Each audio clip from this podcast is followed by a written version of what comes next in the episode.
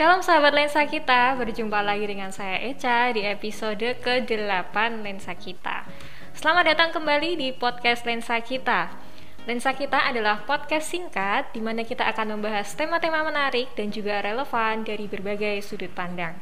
Nah, bertepatan dengan hari ulang tahun GKMI Solo yang ke-37, di episode kali ini kita akan berbincang-bincang lebih dalam lagi dengan seorang bintang tamu dia ini adalah salah satu jemaat mula-mula di GKMI Solo. Langsung saja kita sambut ini dia Tante Hartoyo. Selamat datang Tante. Terima kasih sudah mengundang saya. Ya, sehat-sehat Tante. Puji Tuhan, sehat. Langsung saja kita mulai ya Tante bincang-bincang kita. Oke.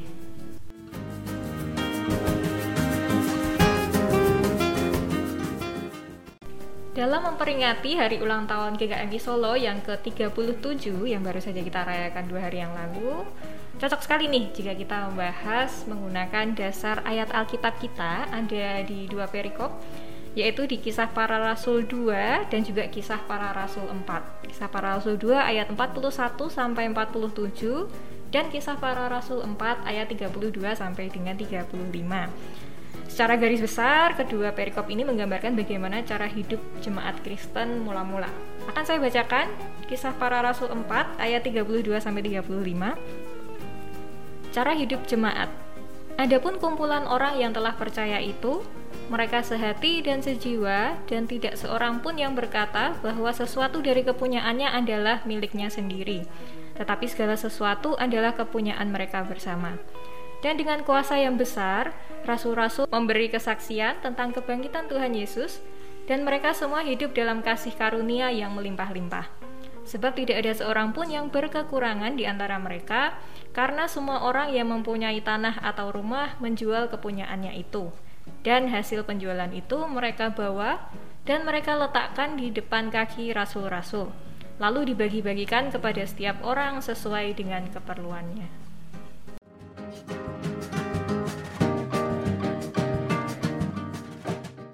Jadi tante, gimana respon tante tentang uh, kedua perikop tadi? Ya, kesan yang saya tangkap pertama yaitu jemaat mula-mula yang sungguh-sungguh percaya dan mengikut Tuhan Yesus. Mereka tidak hanya sekedar dibaptis, namun mereka bertekun dalam pengajaran dan persekutuan. Bertekun artinya sungguh-sungguh.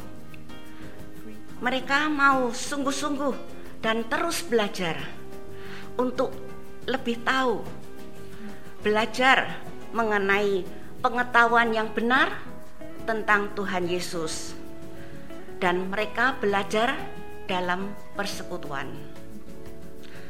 Kemudian, mereka bersatu, saling peduli. Mereka mau berbagi pada yang membutuhkan. Itulah kesan yang saya tangkap. Oke. Lalu uh, menurut tante nih, adakah cara hidup dari jemaat mula-mula Kristen itu yang dapat diteladani dalam hidup berjemaat di GKMI Solo sehingga terwujud gereja yang tangguh dan juga bertumbuh? Ya kita bisa meneladani kesungguhan jemaat mula-mula dalam mengikut Tuhan Yesus di zaman sekarang mengikut Tuhan Yesus dengan sungguh-sungguh tidaklah mudah. Hmm. Misalkan ya, untuk mendapatkan sesuatu mungkin kesembuhan atau kesuksesan, keberhasilan. Banyak godaan. Namun kita harus tetap pada percaya Tuhan Yesus. Kita tidak boleh berpaling. Itulah iman yang benar. Iman yang dimiliki oleh jemaat mula-mula.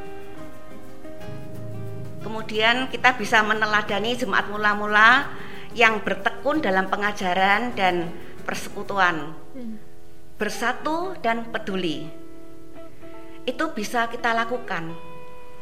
Bersekutu dan belajar bersama di samping menambah pengetahuan dan pengalaman, kita belajar saling menghargai, saling peduli dan tidak mementingkan ego diri sendiri. Hmm. Kita bersatu sehingga kita tidak terpecah belah. Dengan belajar dan belajar, kita akan bertumbuh dan menjadi tangguh. Hmm.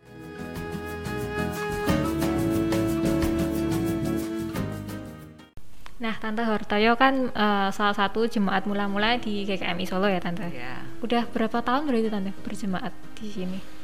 Saya berjemaat di GKMI Solo. Hmm.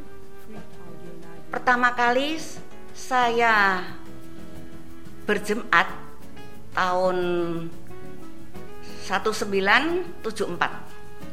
1974. Ya, sekitar bulan Februari atau Maret. Hmm waktu itu gereja masih di Jalan Kepatian. Hmm. Berarti udah cukup lama sekali ya tante? Ya betul. nah tante kira-kira apa pengalaman berjemaat di KMI Solo yang paling berkesan bagi tante Hartoyo? Kesan yang tidak terlupakan yaitu gereja kecil sederhana dengan jemaatnya yang bersahaja namun akrab dan hangat. Hmm. Saya ingat waktu itu Pak Eko dan Bu Eko datang ke gereja dengan naik becak. Hmm. Sekarang pun meskipun gereja sudah tidak kecil lagi, namun GKMI Solo tetap bersahaja dan hangat. Hmm. Itulah kesan saya. Hmm. Oke tante, lalu apa sih uh, yang ada di pikiran tante tentang kekuatan atau kelebihan dari GKMI Solo selama ini? Menurut saya, hmm. keakrapan, kesederhanaan, dan kepedulian itulah kelebihan GKMI Solo hmm. dan sekaligus kekuatan GKMI Solo. Setuju tante. Lalu tante apa harapan atau kerinduan tante Hartoyo ini bagi GKMI Solo di hari-hari ke depan? Saya berharap GKMI Solo tetap memperhatikan dan peduli pada jemaatnya, memelihara imannya. Hmm. Dengan jati diri Gereja Pembawa Damai GKMI Solo terus bertumbuh baik kualitas maupun kuantitasnya. Peka dan peduli melayani dan mengasihi dengan tulus hati. Hmm. Itulah harapan saya. Oke, Tante. Pastinya ini juga harapan kita bersama ya, Tante. Nah, ada satu ya. harapan uh, mungkin gak cuma saya pribadi tapi jemaat-jemaat yang lain tante Uh, karena saya sejak kecil ada di gereja ini, saya sering dengar tante nyanyi pakai bahasa Mandarin. Mungkin kami kami uh, sedikit rindu tante untuk mendengarkan tante nyanyi bahasa Mandarin. Mungkin bisa nyanyi sedikit aja tante. Ya, saya akan mencoba nyanyi 耶稣的爱激励我， 敞开我的生命，让自己成为别人祝福。耶稣的爱点燃我心中熊熊爱火，我们一起向世界活出爱。Hmm. Akhirnya kita bisa mendengar lagi Tante setelah sekian lama. Terima kasih Tante.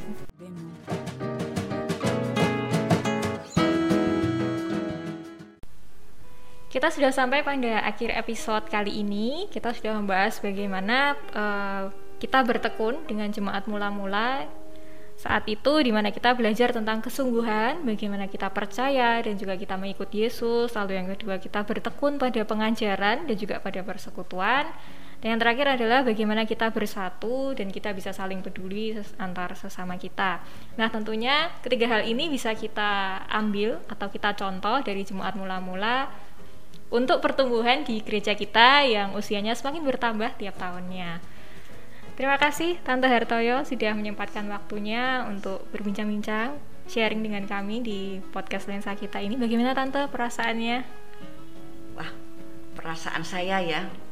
Hmm. Pertama tentu rasanya rasanya itu adalah senang ya. Yeah. Karena merasa dihargai. Hmm.